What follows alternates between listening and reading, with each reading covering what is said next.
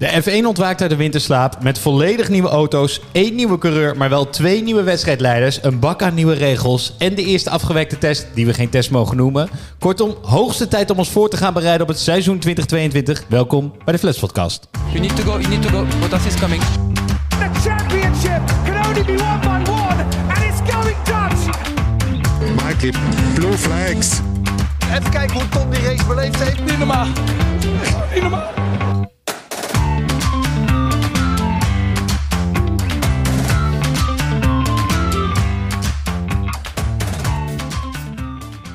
Hallo allemaal en welkom bij de seizoenopening van het tweede seizoen van de Flats Podcast. Waarin de meest amateuristische experts van Nederland hierbij praten over de zin en vooral ook de onzin van de Formule 1.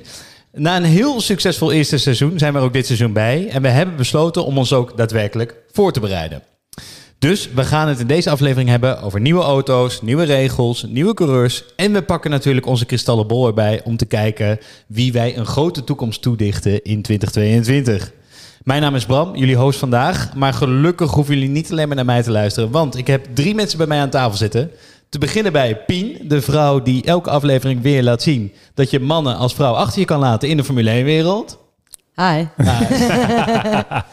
Peter Prius Dame, de man met de meest genuanceerde mening van Podcast Nederland. Dankjewel, dankjewel. En natuurlijk onze vastgast Bernard, bijnaam de professor... naar zijn grote held Ellen Prost... om ons deze aflevering bij te staan in alle technische updates die er dit seizoen gaan komen. Ja, ik heb er zin in. Ja, vind je een mooie bijnaam? Ja, bijna mag je nooit zelf kiezen, hè? Nee, precies. dat is het juiste, het enige juiste antwoord. Hey, we hebben een hoop te bespreken over het nieuwe Formule 1 seizoen. We zitten hier weer eens bij elkaar. En eh, ik dacht, laten we eerst eens even wat updatejes doen over de podcast zelf. Eh, want voor de eerste keer, en ik ga er eventjes wat muziek bij, eh, bij pakken. Oh god. Ja, we hebben, we hebben de mijlpaal bereikt. Want, jongens, onze laatste aflevering van Abu Dhabi heeft duizend luisteraars Hoppa. aangetikt. Ah, Dus eh, een mooie milestone. Eh, op naar de 10.000. Dan zet ik het muziekje weer in. Dus ik denk dat ik voorlopig even op de plank laat liggen. Dat zijn in ieder geval gewoon meer mensen dan we zelf kennen. Dus we hebben gewoon onbekende mensen naar onze podcast geluisterd. Dus met name die onbekende mensen die aan het luisteren zijn. Bedankt. Je weet, je weet wie je bent. Eh, dan ook maar meteen eh, de lows moet je ook delen, dacht ik. Eh, wij, wij, we hebben ontdekt dat je een review kan krijgen op Apple Podcast. En nou zijn er twee asocialen. We hebben, we hebben in totaal vijf stemmen gekregen op Apple Podcast, waarvan twee keer een één. En de rest ah, omgekocht, toch? Come on. ja, het zal wel terecht zijn. Nou, ik, Staan er namen bij? ik was daar dus heel... Nee, er staan geen namen bij. Ik was er heel verdrietig over, totdat ik opeens bedacht wie dat zijn. Dat zijn natuurlijk Olaf Mol en Jack Ploy. Ja, Die met een zuur gezicht heel podcast Nederland afgaan om iedereen één uit te delen. Ja, nou, Eh, ik snap het. Maar goed, dus een oproep meteen. Ben je op dit moment aan het luisteren in Apple Podcast en eh, je hebt niks te doen? Geef ons even vijf sterren. Precies. Vier is ook dat goed. hebben we ook met de rest van de drie reviews gedaan namelijk. Zou ons helpen. Hey Peter, ook voordat we verder gaan, in de winterstop is er wat gebeurd, want jouw Prius is weg. De Prius is eh, no more. Wat is het nu? Ja, een leaseauto. Ik eh, ben elektrisch gaan rijden. Ja, maar ik snap dat het voor de luisteraars teleurstellend is. was, het, Eh, was de Prio een dieseltje dan? de Prius was een hybride. Oh, dat was een hybride? Ja, dat was een hybride. Ah. Noemde jij, eh, jij noemde een Prius net een diesel. Nee, ja, ik dacht dat de Prius altijd elektrisch was. Dus ik dacht al, wat zit je nou te zeggen? Ja, het, was, eh, het was een stekkerauto, maar met een beetje benzine erbij. Ik denk dat die mensen nu meteen die vijf sterren intrekken. Eh, maar goed, hey, Bernard, ik vroeg me af, jij kijkt ook al best lang Formule 1. We hebben natuurlijk vorig jaar, hebben we, vorig seizoen hebben we het grootste hoogtepunt ooit afgesloten met de eerste Nederlandse wereldkampioen. Ik, had me, ik merkte dat ik zelf een beetje moeite had met opladen voor dit seizoen. Dat ik dacht, oh ja, daar gaan we weer. Hoe, hoe zit jij erin? Ja, een beetje hetzelfde wel. De, zeker de eerste paar weken nadat Max kampioen werd, heb ik helemaal niet eh, de, de Formule 1 eh, plekken waar ik nieuws tot me neem, normaal gesproken, heb ik allemaal achter me gelaten. Helemaal niet aan gedacht. Heerlijk. Maar nu de laatste twee weken, tweeënhalve week, is het echt weer hard aan het borrelen bij mij. Ja, ik ben er helemaal klaar voor. Het is geen De kriebelen. auto's zien er super tof uit. Ik heb er helemaal zin in. En komt dat door de wintertest dan? Of is dat gewoon een, een soort biologische klok die in jou gaat tikken? Ja, eh, allebei een beetje. Ik weet het niet. Maar mooi. Nee, de zin is eh, daarmee weer helemaal terug. Ehm, dus laten we dan eens gaan vooruitkijken naar dit seizoen. Maar niet voordat we hebben gekeken naar de soap die zich heeft afgespeeld tijdens de winterstop. Ja, en de grootste soap deze winterstop was het gedoe rondom Michael Masi. Want hij is dus ontslagen. Functie elders, hè? Functie elders, niet ontslagen. Hij, is, oh ja, hij mag binnen de VIA blijven. Ja, functie elders. Weet iemand wat hij is gaan doen eigenlijk? Ik denk dat hij eh, gewoon eh, wat marketingfilmpjes aan het maken is. Denk je niet? Zo social media aan beheren misschien? Nee, geen idee. Wij weten allemaal niet wat hij is gaan doen. Ja, maar er, er moest, eh, hij was wedstrijdleider. Hij heeft natuurlijk het eh, slippertje gemaakt in Abu Dhabi, kunnen we wel zeggen. Daar heeft Mercedes een punt van gemaakt. En, en, en zijn kop moest rollen. Ja, dat was ook wel duidelijk, toch? Dat weet ik niet. Het was wel... Nee? Was dat duidelijk? Ik vond het wel verrassing eigenlijk. Nou, dat en, en daarnaast is de hysterie is nu dat iedereen denkt het gaat om die laatste race. En Ja. hij wordt daarom Je geeft eh, eigenlijk toe dat opgehangen. hij een fout heeft gemaakt nu. Ja, aan de andere kant, ik denk ook dat het een optelsom is. Er is natuurlijk best wel wat ehm, inconsistentie geweest in de toepassing van de regels. Dus ik denk dat het, dat het een breed... Mensen moeten het wat breder zien dan alleen die race. En nu valt iedereen over die laatste race. Dus alle Engelsen zeggen zie je wel. En alle Nederlanders denken, oh, misschien was het toch, eh, toch niet allemaal koekenij die laatste race. Nee, wij hebben inderdaad wel, ik geloof wel, Saudi-Arabië, dat wij al zeiden, kleine kans dat Masi er nog zit volgend jaar. Ja. Het is inderdaad niet alleen de laatste race geweest. Ik denk dat hij gewoon die panfluit jingle van ons heeft gehoord. En dacht, weet je wat? Zoek het uit. Amade heer. Max die heeft er trouwens ook wat over gezegd. Eh, Het is een van de eerste keren dat Max zich heel politiek heeft uitgelaten in de Formule 1. Komt-ie? Uh, yeah, I, I think it's not correct. Um, you know, everyone always tries to do the best job, and everyone um, can always use help. Like I think as drivers, also, you know, we have a whole team behind us. It's, yeah, for me, it's very unfair to uh, what happened to Michael because he's really been thrown under the bus. Dat is nogal een statement, hè? Ja, maar dit is toch wel een beetje, want ik vraag me dus af. Mercedes is natuurlijk heel lang stil geweest. En dat volgende punt ook, dat Hamilton wellicht niet terug zou komen in de Formule 1. Heeft dat nou met, volgens mij heeft dat een beetje met Masi te maken. Volgens mij heeft Mercedes, tenminste dat zeggen de roddelmachines, eh, dat dus zij hebben geëist dat Masi functie elders zou krijgen. Anders Ja. zouden zij dus nog meer problemen gaan veroorzaken. Ik sluit het niet uit in de gekte van de Formule 1 wil dat dat gebeurt. Dat Ja. die lobby is geweest naar Mercedes. Wat zou Mercedes doen dan? Stoppen? Ja, ik denk dat zij wel een bedoel, flinke eh, vinger in de pap hebben gehad met, eh, met dat Masi ergens anders is gaan werken hoor.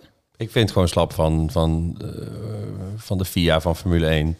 Dat ze eigenlijk hebben toegegeven en ook zo laat. Ik bedoel, als ze dat nou na een paar weken hadden gedaan, oké. maar het hoefde helemaal niet meer. Iedereen was al echt al aan het kijken naar komend seizoen.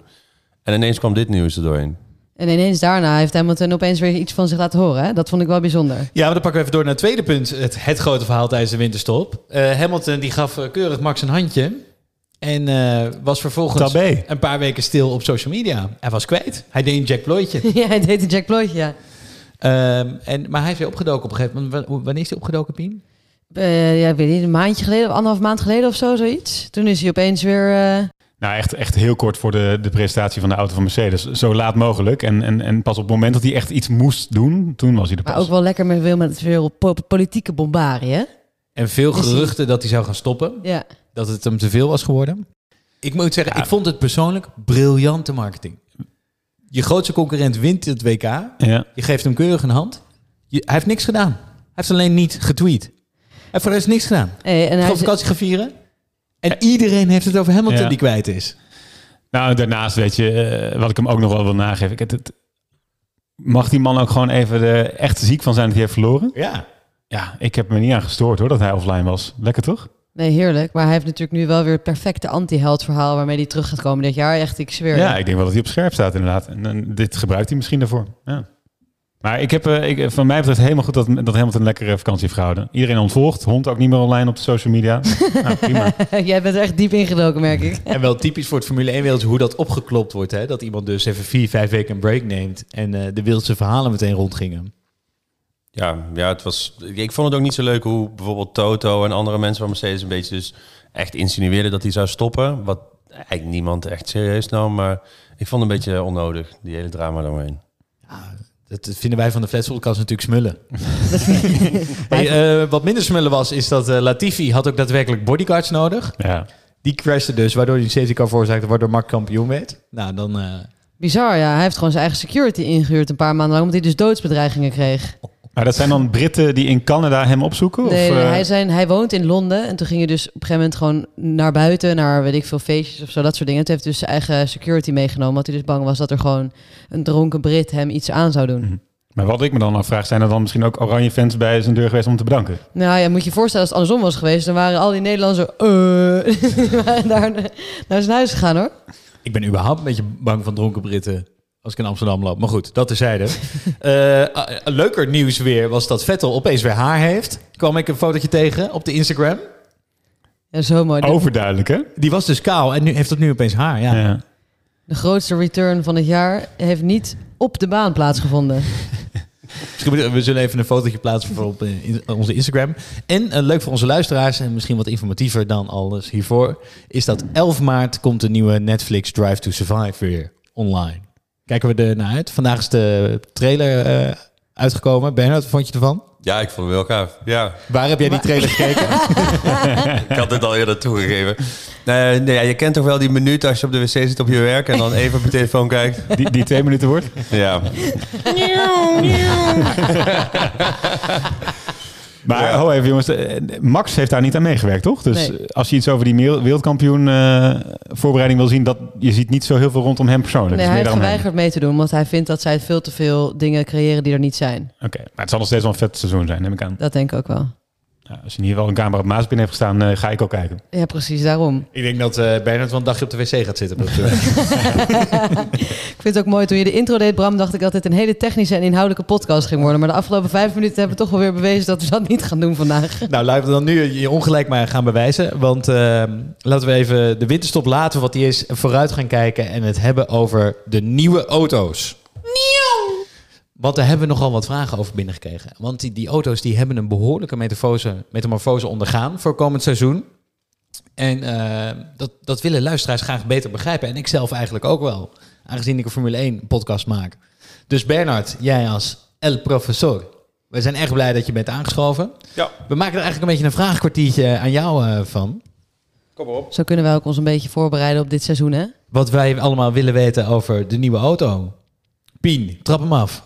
Nou, eh, ik denk dat het belangrijkste is om mee te beginnen natuurlijk dat de achtervleugel eh, iets anders is. Eh, en dat komt natuurlijk omdat uiteindelijk mensen beter willen racen. Toch? Het doel van deze verandering in de regels is inderdaad vooral ervoor te zorgen dat je beter iemand kan volgen als je achter hem aanrijdt. Maar het is de hele, de hele auto die daar effect op heeft en niet alleen de achtervleugel.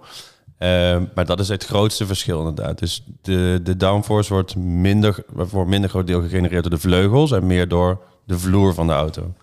En die vloer heeft minder effect op de, eh, de lucht direct achter de auto. Dus Ja, we gaan zien dat mensen langer dichter achter iemand gaan rijden. dat is de bedoeling, ja. En dan makkelijker kunnen inhalen.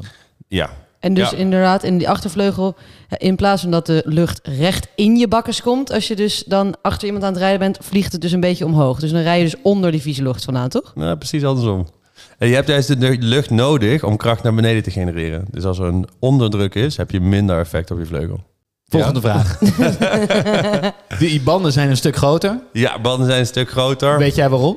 Werd al heel lang over gesproken. Tien jaar geleden was het daar ook al over. En dat was een beetje voor de relevantie met, met de auto-industrie voor consumenten zoals wij allemaal. Eh, sportieve auto's hebben een bandenmaat van 18, 19 inch. En nu hebben de, de Formule 1 auto's ook 18 inch. Dus ik denk dat je vanaf volgend jaar eh, bij veel autobanden shops eh, Formule 1 lookalike banden kan gaan kopen, denk ik. Oh nee joh, wacht even. Echt? Daar gaat dat om. Ja, ja, ja. Oh, Om, oh. Peter, jij moet nu die Prius terugkopen. En daar Formule 1 banden onder laten zetten. Ja, dat, was, dat zat daar dichtbij. Dat was 17 inch uh, velgjes volgens mij inderdaad. Ja. Voilà. ja. Ze komen van 13 af. Ja, ze waren heel klein, ja. Gaat dit nog eh, effect hebben qua... ga- moeten ze minder stoppen? Omdat ze gewoon meer band hebben om overheen te rijden? Minder klappen? Dat moet blijken. Ik bedoel, de- Pirelli kan een band maken die vijf races meegaat. Hè? Ze maken hem met opzet dat hij harder slijt. Dus dat is maar gewoon een keuze die ze willen maken. Ik denk dat de banden voor, hebben zijn volgens mij niet heel veel veranderd qua durability met vorig jaar. Wat wel is veranderd, is dat je de banden minder lang in de bandenwarmers mag houden. Dus je gaat echt zien met een, na een pitstop dat de banden koud zijn. En dat, dat wordt echt een onderdeel van je kwaliteit als rijder. Hoe goed ben je op koude banden? En het enige wat ik nog wel heb gelezen, volgens mij, is dat wat ze wel hebben verbeterd aan die banden is normaal als je iemand probeert in te halen en je rijdt erachter, dan slijt die banden heel erg. En nu hebben ze met coureurs getest om dat te verbeteren. Dus normaal ga je iemand inhalen en dan ga je weer naar achter en dan zijn je banden dood, tires are gone. En dat is nu volgens mij verbeterd. Dus je kan langer door op die banden. Nou, het is inderdaad die dirty air achter als je iemand, achter iemand aanrijdt. Als je door de bocht gaat, dan glij je meer. En dat glijden, dat zijwaarts glijden, dat, dat zorgt ervoor dat hij overwit en sneller slijt. Dus het beter kunnen volgen zorgt er ook voor dat je banden minder hard slijten als je erachter rijdt. Gaan ze harder of minder hard? In totaal. Ja? Er werd gevreesd dat we langzamer zouden gaan zijn. Dus elk snelste rondje was, dit zal wel een aantal jaar het snelste rondje blijven. Eerste indicatie nu is dat we minimaal even snel gaan zijn. Oké. Ja, ontwikkeling gaat hard in deze wereld en eh, Want die, ze auto's vinden zijn, er wel iets omheen. want die auto's zijn een stuk zwaarder, toch, dan Ja. vorig jaar? Ja. Die zijn volgens mij 50 kilo zwaarder. Maar in ieder geval, eh, je moet minimaal 790 kilo zijn. Maar dat, dat is volgens mij 50 kilo meer eh, gemiddeld. Het, het gerucht gaat dat sommige teams het moeilijk vinden om, die, om dat te halen. Want het was altijd... Je moet de auto natuurlijk zo licht mogelijk maken. En dan kun je nog, als je een paar kilo te licht bent... op sommige plekken wat zwaarder maken voor de gewichtsverdeling. Maar er zijn nu auto's die het niet hebben gehaald. Die dus zwaarder zijn dan de minimale gewicht. Toch je iPhone meenemen. Toch maar weer uithongeren, die Of je jongens. portemonnee in eh, geval van maatspin. Scheelt toch? Wat? Gewicht is inclusief coureur, toch? Neem er gewoon wat spullen mee. Exclusief, Portemonnee. inclusief portemonnee. Eh, nog een vraagje. De motor, want we hebben het veel over de auto, maar de motor Ja. die erin ligt, is die hetzelfde? De motor is niet precies hetzelfde. Ze mochten nog updates doen in, in de winter. Maar die updates die zijn tot aan het begin van het seizoen... eh, vanaf het moment dat dit seizoen begint... eh, zijn ze een aantal jaar bevroren op performance gebied. Dus je mag geen innovatie toevoegen om sneller te maken. Wat je wel mag doen is een auto of een motor eh, betrouwbaarder maken. Ja, dus, eh, dus eh, er worden nu nog wel, er wordt nu volop aan doorontwikkeld. Tot morgen geloof ik, hè? Ja, volgens mij is het vanaf het begin van het seizoen... is het, is het, is het gefreeze of is het, eh wordt het is- een rectificatie volgende keer? volgens mij weet jij of, of niet, bro. 1 maart, 1 maart. Morgen wordt die eh, Oh, nou, Eh, ja, nee, dat is, dat is dan een bruggetje naar Alpine bijvoorbeeld ook. eh, die echt hebben gezegd van we gaan hem zo snel mogelijk maken. En het maakt eigenlijk niet uit of die kapot gaat of niet. Eh, en hij ging dus ook kapot tijdens het testen. En die gaan hem dan in de komende jaren ja, zo snel mogelijk dan meer betrouwbaar maken. Oh, want dat mag wel. En is daar ruimte voor zoemelen of maakt dat niet echt uit? Tuurlijk is er ruimte voor zoemen. Het is is altijd. Formule 1.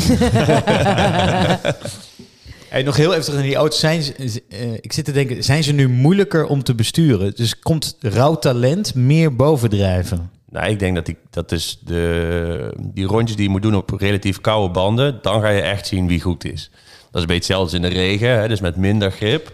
Dat eh, onderscheidt wel de goede coureurs van de echt hele goede coureurs. Ja, Dus we hebben samenvattend auto's die minimaal even snel zijn, een stuk beter inhalen en waarvoor rijtalent ook nog eens een keer omhoog komt doordat je koude banden hebt. En veel veiliger. Ze hebben heel veel aan veiligheid gedaan. Nou, dat wil ik even toevoegen. wat hebben ze gedaan dan? Ze hebben naar aanleiding van die crash van Grosjean... hebben ze dus gezorgd dat dat nooit meer kan gebeuren. Dat je dus je tank niet meer zomaar naar buiten kan en in de fik kan vliegen. En naar aanleiding van die crash van Hubert... hebben ze dus gezorgd dat die zijkanten veel sterker zijn. Dat als daar een auto in komt, dat die niet zomaar doormidden gehakt wordt. Ja, en voor en achter mag, die- moet hij ook 15% eh, procent meer eh, energie te- kunnen opnemen. Zeg maar, meer 15% Dit, harder dit is die voorbereiding dus, hè? Dit, dit is het. Hey, we gaan hem eh, afsluiten, maar niet voordat we hebben. Dus als je nu zit te luisteren en je denkt, ja, ik heb toch nog een vraag over die nieuwe auto's. We kunnen hier, we hebben hier over gehad en we kunnen een uur een podcast vullen over de nieuwe reglementen. Gaan we niet doen. Maar heb je toch nog een vraag? Stuur hem aan ons in via de Instagram, Fletspodcast F1. Dan stuur ik hem door naar Bernhard. Bij hem door naar Bernhard.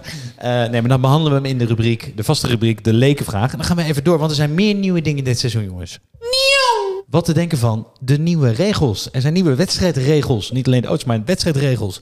Naar aanleiding van een aantal debakels. En Pien, jij bent daar helemaal ingedoken. Ja. Hoop ik. Ja, ik ben het zeer vaak oneens geweest met de FIA. Dus ik moest me toch even gaan verdiepen in eh, wat er nu gebeurd is. Je hebt eh, met het regelboek onder je hoofdkussen heb jij geslapen. Absoluut. Dan beginnen we even met eh, even iets verder terug in het geheugen. Spa. Waarbij er twee rondjes achter een safety car zijn gereden. En toen werden er halve punten uitgedeeld. En toen, eh, dat, is, dat is het debakel van Spa. Hoe is dat opgelost? Eh, je mag, de halve punten bestaan niet meer. En ze hebben hele ingewikkelde. Ik zal er een fotootje op loslaten. Ik ga het niet nu allemaal doen zeggen. Met percentages van de race die voltooid zijn. Minder of meer punten uitgedeeld. Het komt erop neer. Als je twee rondjes race, dan heb je niet zomaar halve punten. Het, gaat dus, het loont dus minder. Ja. Dus dat spadebakel kan gewoon niet nog een keer gebeuren. Daar komt het eigenlijk Ja, en je moet dus twee ronden zonder safety car geraced hebben. Dus een Spa zijn nooit zonder safety car geraced. Dat, Ja. is, dat is een, een, een drempelwaarde die omhoog is gegaan. En je Dat. hebt inderdaad een ta- aantal klassen, 25% tot 50, 50 tot 75, et cetera, waarin die punten oplopen. Punten oplopen, ja. Ze En meer iets- hoef je er niet over los te laten. Maar het gaat er gewoon meer om dat kijkers niet zo eh, voor het blok worden gezet met een race die niet is gebeurd, waarvan ze zeggen dat het wel is gebeurd. Ja, ik denk dat het terecht is. Dat denk ik ook. Eh, volgende punt waren de sprintraces, waarin er een eh, aantal teams klaagden dat het alleen maar meer punten bracht naar de topteams. Omdat alleen maar de eerste drie eh, finishers in een sprintrace de punten kregen. Is daar wat aan aangepast? Nou, leuk dat je dat vraagt, Bram. Daar is inderdaad wat op aangepast. Want de sprintrace format is iets aangepast. In plaats van de eerste drie die punten krijgen, is, zijn de eerste acht mensen die eh, de top acht krijgen punten. En waarvan de nummer één acht punten en zo tot en met acht nu- eh, één punt. Dus dat is wel leuk, want dan krijg je dus inderdaad gewoon meer mensen die punten kunnen verdienen op de zaterdag. En dan wordt het dus wel wat spannender. Want zo'n sprintrace, als je die wint, krijg je gewoon acht punten erbij. En dat is drie weekenden eh, in dit jaar. Dus dat kan echt wel wat verschil maken. Eh, dus dat wordt heel interessant, denk ik. En het pole position debakel is ook opgelost, Bram. Want? Ja, er was voor, de, voor de data lovers onder ons. Er was nogal wat debat vorig seizoen dat als je de sprintrace won, kreeg je ook de pole officieel op je naam Ja. geschreven in de statistieken. En dat is nu gecorrigeerd. Dus de, in de statistieken gaat degene die op vrijdag het snelste rondje rijdt, die krijgt de pole. En dan hebben ze op zaterdag sprintrace en op zondag start nog steeds de winnaar van de sprintrace op één. Maar de pole is voor het snelste rondje op vrijdag. Dus de term Speed King, die, die gaan we niet meer terugzien. Want de drie mensen die vorig jaar in het sprintweekend op vrijdag een kwalificatie wonnen, die kregen toen de term Speed King. Dat heeft volgens mij niemand Ja, ja, ooit geweten. Maar er zijn er drie mensen die zijn Speed King. Kun je wel op je cv erbij zetten. Krijgen ze misschien alweer zo'n rare Romeinse laurierkrans, weet je wel? Oh god, ja. Oh ja, dat kreeg je ja. Dus dat is er ook allemaal uit. Nee, dus dat is allemaal weer wat normaler geworden. Vraag me af of Shaquille O'Neal ook zijn terugkeer gaat maken. Maar daar kunnen we het later over hebben. Ehm, volgende punt. Ja, en dan de debakel eh, natuurlijk. Eh, allereerst de wedstrijdleiding. Want ja, we hebben nu geen wedstrijdleider meer. Maar hoe is dat dan opgelost? Er zijn niet één, maar twee wedstrijdleiders... die om en om een wedstrijd gaan leiden. Allemaal, allebei naar elkaar kunnen wijzen als het misgaat. Precies. Dus geen Masi meer, maar eh, twee andere eh meneren... die dus elkaar gaan afwisselen. En zo heb je dus... En er komt ook nog een adviseur die hun dan weer controleert. En hoe gaat dit dan de consistentie verhogen als je om en om andere wedstrijdleiders krijgt? Weet je, ja, nee, dat is dan weer een leuk eh, eh, ander dingetje. Oh, het is, niet, het is niet tegelijk. Ze gaan om en om. Ja. Om en om, elke Ja. race iemand anders. Dus dan krijg je weer dat het een jurysport is. En dan als A dat dit had gedaan, dan heeft B dat anders gedaan. Dus dat wordt weer heerlijk voer natuurlijk voor ons om te Oh, bespreken. god, ja. Dan heb je één die is op de hand van Max en de ander is op de hand van Lewis. Krijg je dat? Ja, en dan heb je dus het adviesorgaan, die controleert hun dan weer. En dan controleert de controle de controle weer. Snap je? Mhm. Eh, laatste debakeltje wat ik heb staan was de safety car natuurlijk. Waar, hè, dus dat geintje waardoor Max uiteindelijk kampioen werd. Waar heel veel onduidelijkheid was of dat nou in de regels of dat allemaal wel mocht of niet. Is dat nou opgelost? Hebben ze daar wat op verzonnen? Pas. Ja, ik heb deze niet gelezen. Ja, dat, eh, ja, daar hebben ze wat voor gevonden. Dus normaal ehm, werd de race pas hervat als alle achterblijvende auto's ehm, de, de, de voorliggers hadden ingehaald en achteraan waren aangesloten. En nu is het zo dat dat iets versneld wordt. Zodra de melding gegeven wordt, eh eh lap cars mee pas, wordt in, automatisch in de ronde daarna eh, de, race, de race hervat. Even los van het feit of ze al achteraan zijn aangesloten. Dus dat geeft een iets kortere window, waardoor je sneller eh, kunt gaan racen. Dus ook daar. En eh, volgens mij gaan ze ook nog wel kijken naar verdere verfijningen, toch? Vlak voor Abu Dhabi of eh, vlak voor de opening komen ze daarmee. Dat is mij niet bekend. Dus dit is het enige punt waar Masi wel gelijk heeft gekregen. Ja, in zekere zin zou je dat kunnen zeggen. Dat, hij daar, eh, hè, dat, dat dit een regel is die een beetje richting die beslissing van eind vorig jaar ging. Ja. Oké.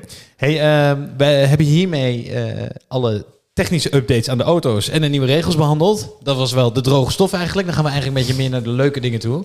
Want eh, nou ja, eigenlijk zoveel nieuwe regels dat er zijn, zo weinig nieuwe coureurs zijn. er, Maar we gaan ze toch eventjes kort behandelen.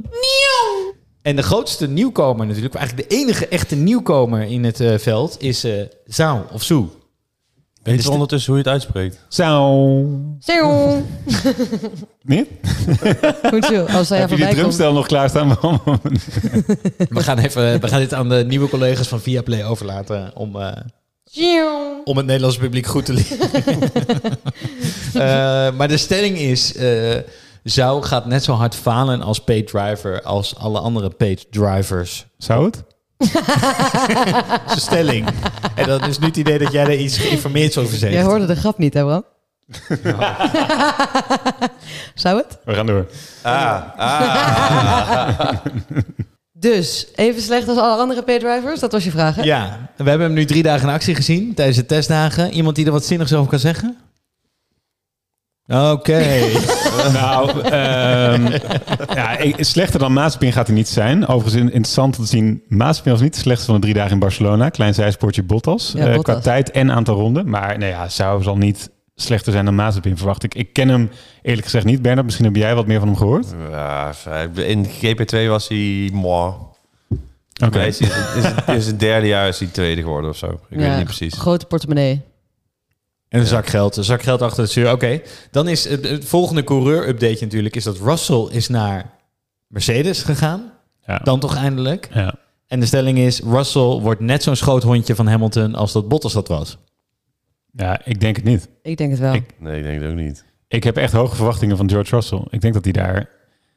Ja, dat, dat vind ik een bijzonder scenario om even in te gaan beelden. Maar Dus eh, misschien je- gaat is hij wel sneller... Hè, misschien gaat hij op heel korte termijn net zo hard rijden als Lewis. En dan gaan we Lewis eh, tijdens het seizoen al een keer verliezen. Ik denk dat jij de zin Valtteri of eh, eh, George, it's James. denk ik dat jij die heel vaak gaat horen. Ik denk, ik denk Nou, dat dat hij best wel goed af. mee gaat spelen in dat Mercedes-politieke verhaaltje. Hoor. Dat deed hij Nou, al best wel op het begin. Toen Hamilton onrecht had, toen hij nog bij Williams zat... ging hij ook helemaal op de eh, Hamilton-train zitten. Hij gaat zijn best doen, maar ik denk echt niet dat hij... eh, Maar goed, on- ongeacht of hij aan de kant gaat of niet, kan hij hem bijhouden. Ja, dat denk ik wel. Dus ik, twee dingen. Ik denk dat hij op zich wel eh, een respectvolle Brit is die, die een teamorder gaat honoreren. Ik denk alleen dat het gewoon echt wel een betere coureur is dan Bottas. Dus Ja, dat dat het gewoon ook. vaker... Hij gaat het gewoon eh, op, opeisen. Dat is mijn hoop althans.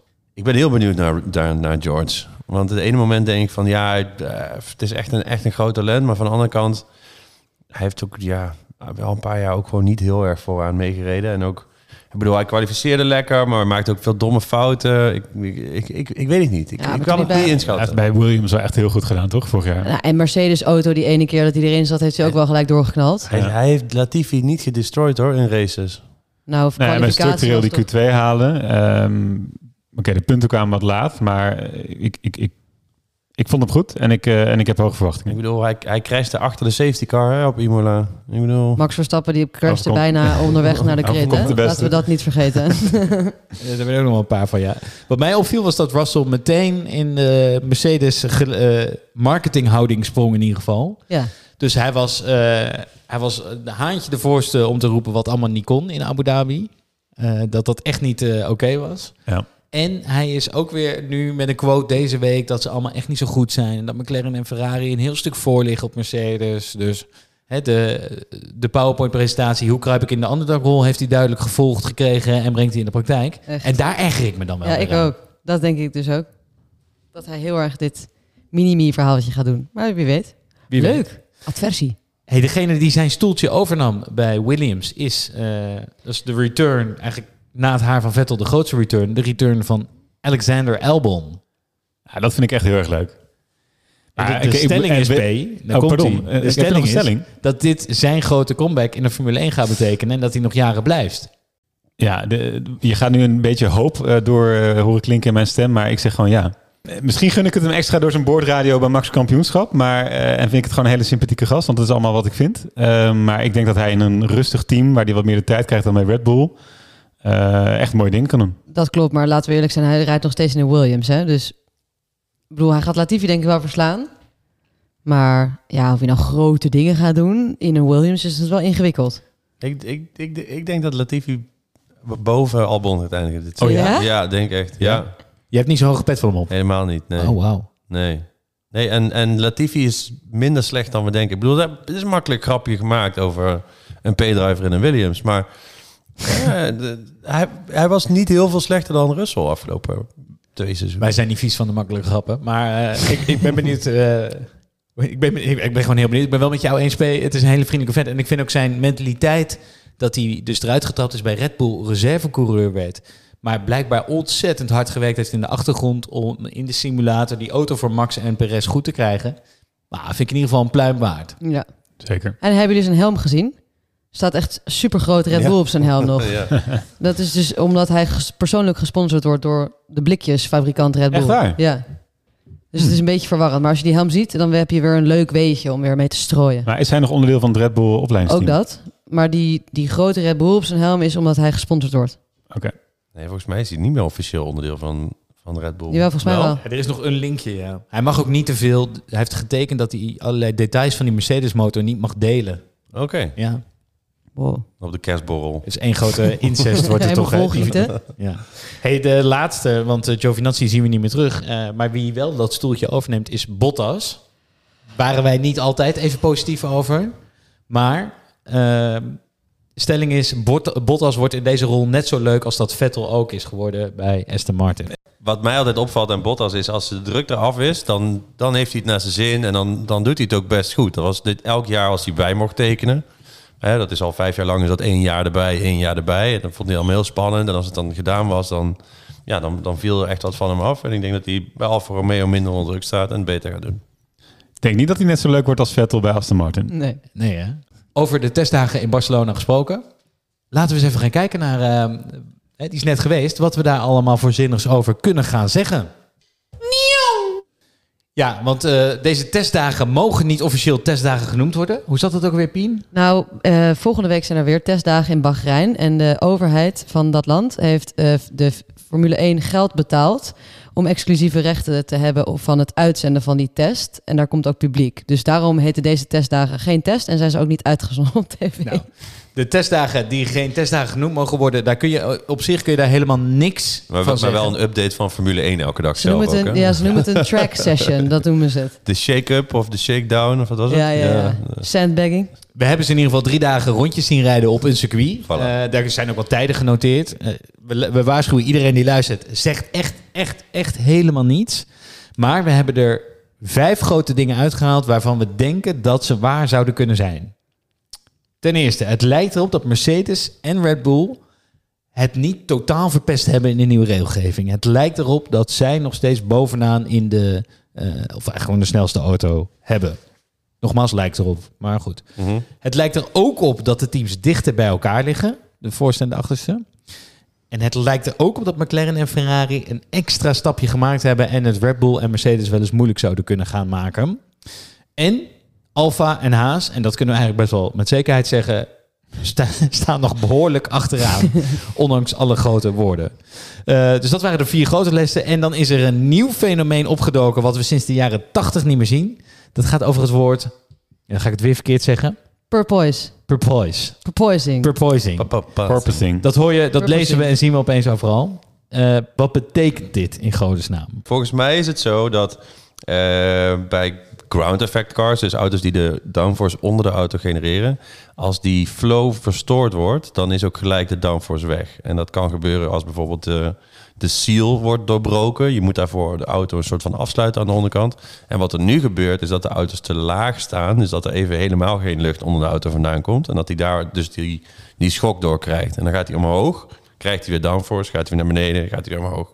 Downforce, beneden, omhoog. Dus we zien eigenlijk met andere woorden, we zien gewoon een auto stuiteren over het asfalt. Eh, Nou ja, maar het is ook wel. Ze, pro- stuiten. ze proberen die auto's nu af te stellen. Dus ze beginnen zo laag mogelijk. En als die auto's drie centimeter omhoog doen, is het probleem Ja. weg. Klopt. Als de DRS open is, is het ook geen probleem. eh, zo leek het. Maar er is een filmpje, eh, moeten we misschien even online zetten, van eh, Leclerc. Ja, ik denk dat hij nog steeds de wereld om zich heen ziet trillen. Het ziet er heel grappig uit. Ga je dus, ja, Echt je, heel idioot. je ziet zo'n filmpje waar je dus, dus purpoising komt dus van het, een, het woord de, de purpoise en dat is dus een soort dolfijn.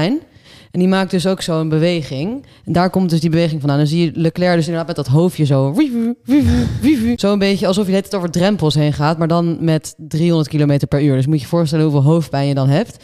Ja, en heel veel teams hebben hier dus last van. Maar, dit, maar dit, is, dit is leuk aan nieuwe regels. Er komen nu dingen naar voren die, eh, waar mensen nog geen ervaring mee hebben. En dan is het wie reageert hier het best op. En die heeft echt voordeel. Ja, dus je Dit ziet is, dit inderdaad... is de, leukste, de leukste tijd van Formule 1. Zo'n dit is nieuwe dus- regels. Ja, en dit is dus ook leuk, want je kon dit dus niet testen in windtunnels of in de simulaties en zo, omdat het dus echt met die zuigkracht van die auto te maken heeft. Dus ja, ik ben wel benieuwd wie hier achterblijven en wie hier Ja, iets wel, op gaan vinden. je bent nu wel purpose-driven. Via Als- Purpose Driven. Als de, als de grappen dit seizoen bij P vandaan moeten komen, dan eh, gaan we toch wel heel hard naar beneden. Nieuwe wind, jongens. Nieuwe wind.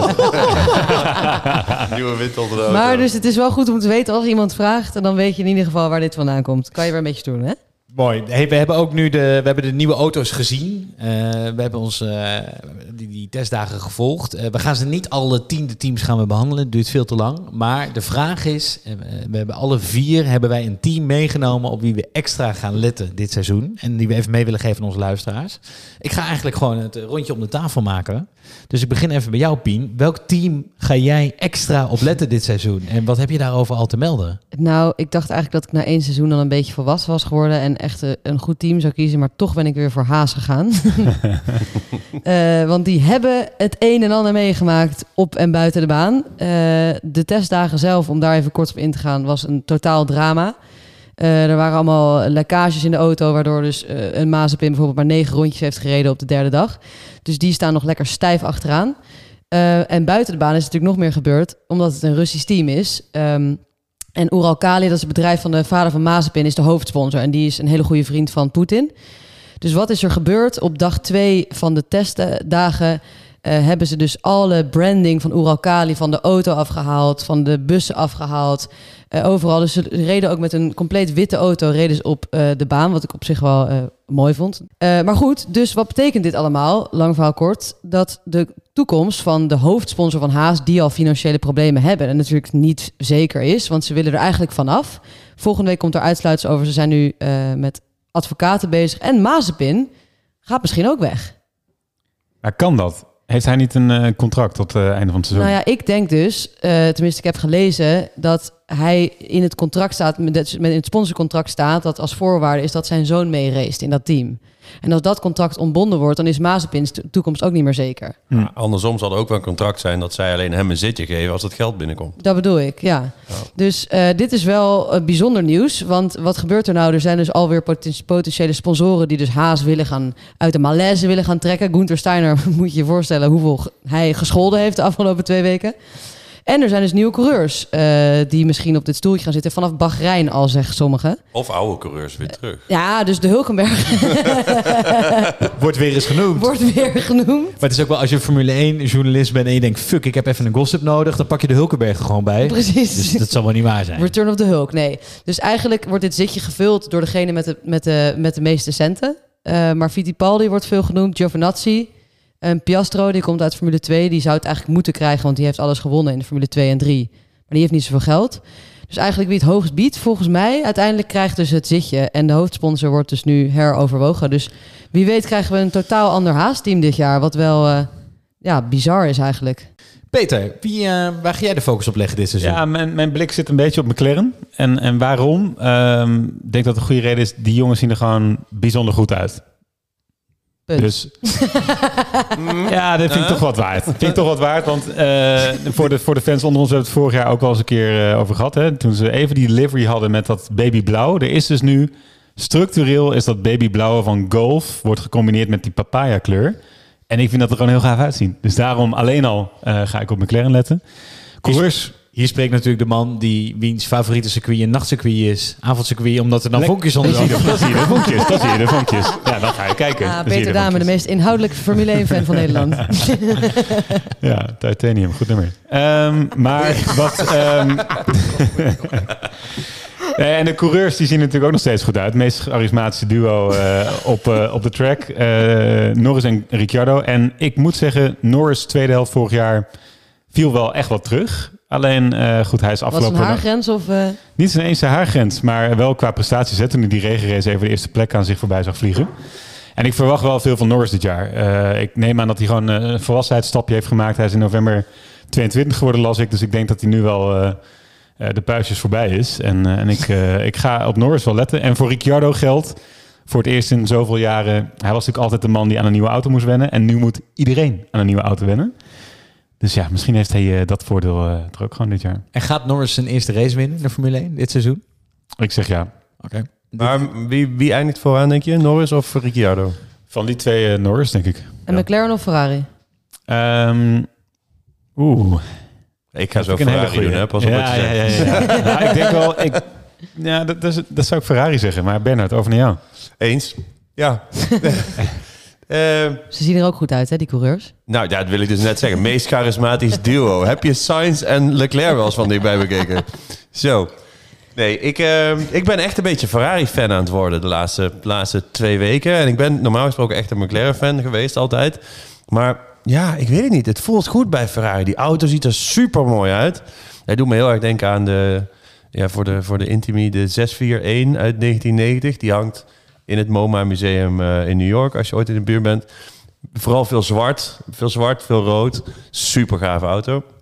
En ze hebben ook gewoon best wel wat ja, risico's genomen. Of in ieder geval, ze hebben een heel uitgesproken design. De, de elementen waar je dus echt wat mocht doen, hebben ze... Ja, de, de, ze gaan er echt voor dit jaar.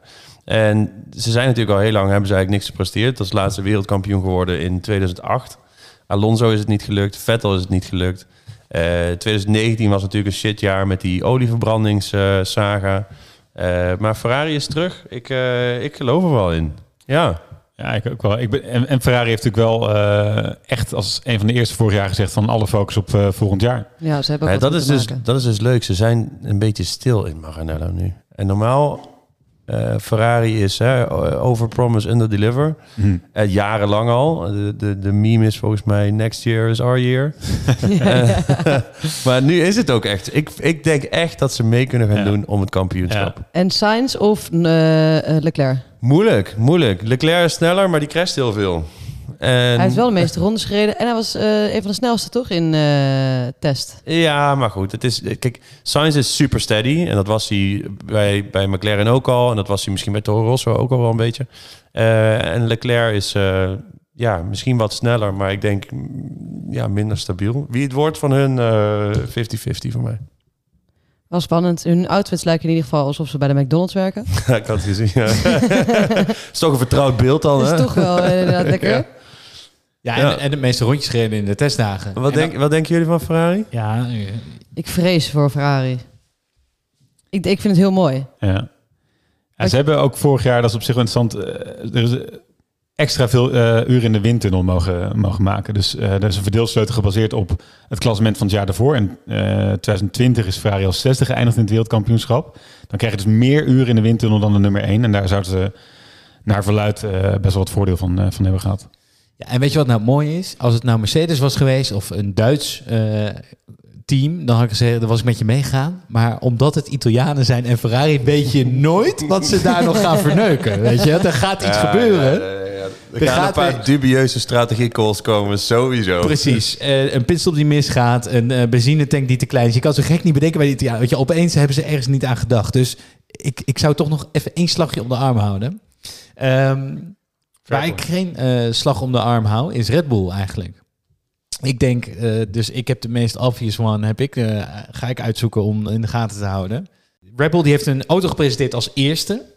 En toen lieten ze wat vette plaatjes zien van hun nieuwe auto. En toen binnen twee seconden, iedereen zei eerst oh. En daarna was het van, oh wacht even, dit is volgens ons precies de Formule 1 conceptcar. Conceptcar met gewoon de nieuwe livery van Red Bull erop geplakt. Met andere woorden, we wisten tot de testdagen niet hoe die auto eruit zag. En op het moment dat die naar buiten reed op dag 1, schreef de hele Formule 1 pers over die auto.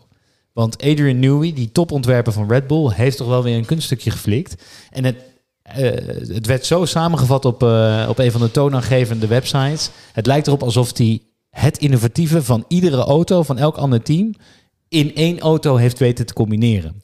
Eh, dus hij heeft dingen met de sidepods gedaan, ik zal er niet op ingaan, maar echt monden vielen open. Het wordt een rijdend laboratorium genoemd, die auto. En met de betrouwbaarheid lijkt het ook goed te zitten, want ze hebben echt heel veel rondjes kunnen rijden. Max was heel happy. Max is meestal heel eerlijk op die testdagen. Was heel happy. Ja. Ehm, en ja, jij krijgt dan natuurlijk nu ook de dynamiek van we zijn wereldkampioen. Max, die wereldkampioen is, die het eindelijk eh, voor elkaar heeft gekregen. Eén op je neus. Ja, ik, ik vind dat heel leuk dat hij dat heeft gedaan. Dat hij de één heeft ja, genomen. tuurlijk doen. Max, die, ik denk dat hij nog, nog veel rustiger wordt dan dat hij normaal is. En je krijgt denk ik Perez. En dat is nog even het vraagteken. Gaat hij nu bijspringen in die tweede rol? En ik denk het wel. Ik denk het ook. Ik denk dat Ja. hij gewoon een ideale tweede man gaat worden dit seizoen. Hij voelt zich daar lekker. Hij werd ook echt een beetje meegenomen in de vreugde einde van het seizoen vorig jaar. Ik, eh, ja, ja, ik geloof in Perez. En Honda blijft. En ho- oh ja, Honda blijft. Dat is ook nog een dingetje. Dat zei iemand tegen mij en zei ik, "Hè, dat is helemaal niet waar. En toen zei iemand, wie heeft hier nou de podcast, jij of ik?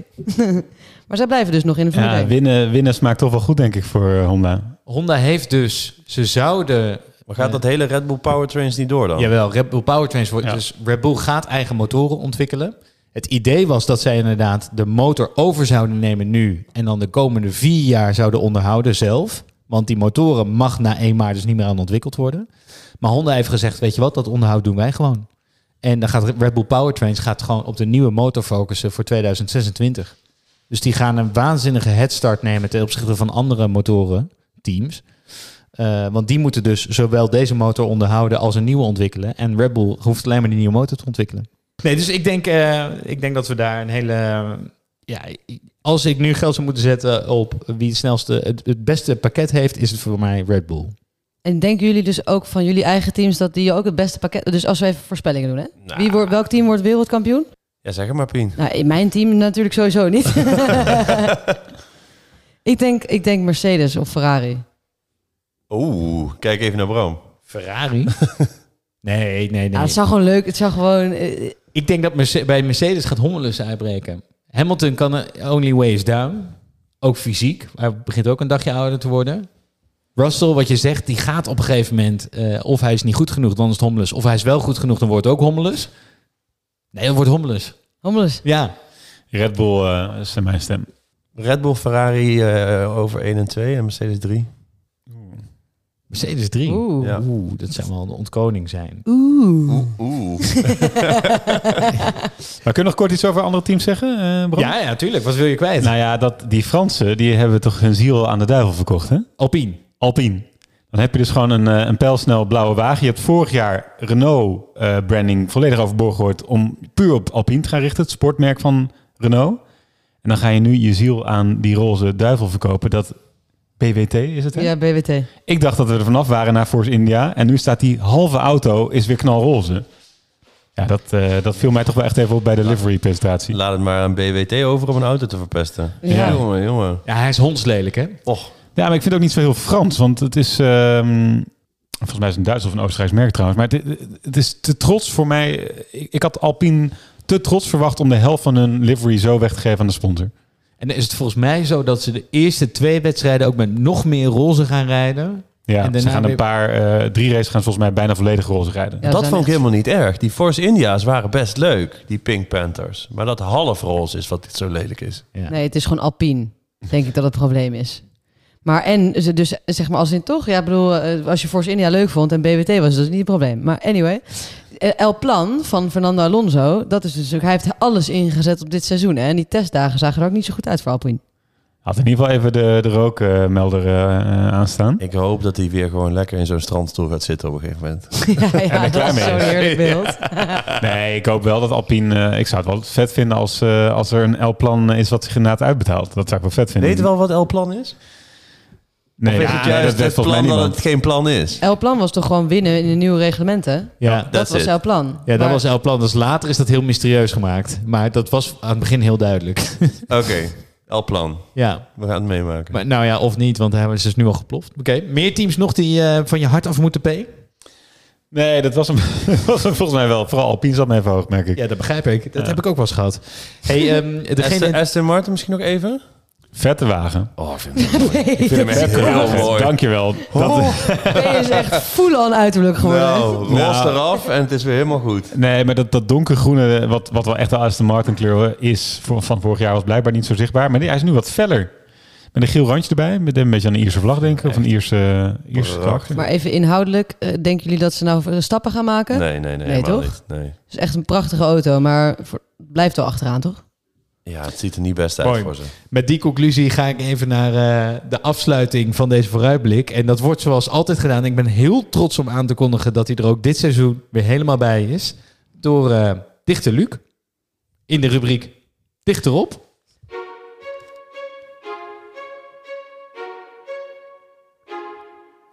Fernando made it pretty clear. He said you have to leave it the space. All the time you have to leave it the space.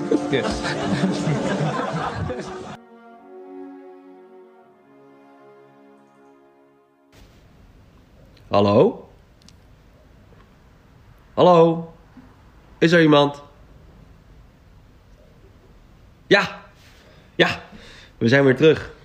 Na een lange pauze, lange stilte, terug uit de diepe winterslaap. Weg van het koude, weg van het oude vertrouwde, op naar het nieuwe seizoen. Waar nog stillere motoren met een nieuwe look het dit jaar moeten doen. Transfermarkt gesloten, circuits weer opgespoten, 23 races gepland. De opstelling is bekend. Allee, allee, switch je abonnement naar Viaplay. Plaats je bankrecht voor de tv. Zet je aanwezigheid komende weekenden op nee. En pak uiteraard elke dinsdagochtend de Flats podcast nog even mee. En deel het met al je vrienden, want dan maak je ons extra tevreden. Enfin, vrienden. Allee, allee, maak je klaar voor een nieuw seizoen. Een andere episode. Pakt Lewis eindelijk zijn achtste? Of zwaait hij harder af dan ooit? Houdt Max zijn hoofd koel of krijgt hij zijn arrogante nummer 1 als een klap terug in zijn smoel? Sluit Bottas aan bij het pensioenpeloton? Of ligt het einde van zijn carrière te lonken aan de horizon? En nu al de hamvraag van dit seizoen. Mag Latifi de laatste race nog meedoen? We zijn weer terug. Van stilte na de storm naar stilte voor de storm. Naar nog stillere motoren, ja, het wordt wat. Maar we gaan hoe dan ook op 20 maart in Bahrein voor het eerst zien hoe de kaarten erbij liggen. Wie wie dit jaar de les gaat lezen. Ja, we zijn weer terug. Zonder Olaf, maar toch. Dames en heren, we gaan weer racen. Ja, toch altijd weer twee minuten waarbij de 50 over doen. Blijft bijzonder. Hey, heel even kort vooruitblikken naar de volgende race. Uh, Bahrein staat gepland op 20 maart. Lieve luisteraars, zet hem in je agenda. Wij, zijn, wij zetten dus overigens onze aflevering zoals altijd op maandagavond daarna online. Dus op 21 maart. Maar ehm, is er iets over Bahrein wat we onze luisteraars mee willen geven? Waar moeten we op letten? Is het een leuk circuit, stom circuit? Ja, ik vind, Ja, ja. ik vind het een gaaf circuit. Ja. Gebeurt altijd een hoop. Ja, kijk, en vorig jaar, eh, wat in ieder geval is bijgebleven, is volgens mij die bocht 4, waar eh, Max in de laatste ronde nog even Lewis wilde inhalen, te wijd ging, hem weliswaar inhaalde, maar daarna zijn plek moest teruggeven en de race verloor. Dus dat was wel echt een iconische bocht. Ik ben benieuwd of die, eh, die track limit daar nog steeds geldt, want Mercedes deed de hele race daarvoor en dat was een beetje een pijnlijk puntje. Ja, voor dit jaar vind ik wel echt heel moeilijk te zeggen om, om te bepalen wie daar nu gaat winnen de eerste race. Ik denk dat er wel wat, wat ik denk dat er best wel wat fouten gemaakt worden. Iedereen is nog aan die auto aan het wennen. En eh, ik, Ferrari heeft podium, dat zou, ik, eh, dat zou ik wel willen zeggen. Ja, ik denk wat voor mij be- eh, belangrijk is, is die dus het belangrijkste moment is de kwalificatie. Belangrijkste van het seizoen, want dat is het allereerste moment waarop je ziet hoe die teams ervoor staan. Ja. Dus als daar de polsitter met drie tiende van de nummer twee de pol pakt, dan weet je zeker wie de wereldkampioen gaat worden. Dat is gewoon na een uurtje dan duidelijk. Ehm, dus die, die kwalificatie, als je naar de kwalificatie kijkt, als je er één moet kijken, kijk deze. Want het maakt de verhoudingen meteen duidelijk voor het hele seizoen. Nou, daarmee gaan we hem ook afsluiten, want we hebben alweer lang genoeg gepraat. Ehm, ik dank jullie wederom voor het aansluiten dit seizoen. En wij bedanken jullie eigenlijk eh, als je zit te luisteren. Wil je op de hoogte blijven van alles wat er gaat gebeuren tot die eerste race? Volg ons dan op Instagram via Flitspodcast F1. Want we gaan je op de hoogte houden van eh, ook de komende testdagen die daar staan. En vind je onze podcast leuk? Laat dan een rating achter in jouw favoriete podcast app. En we zien jullie graag terug op 21 maart. Tot dan! Tot dan! Hoi.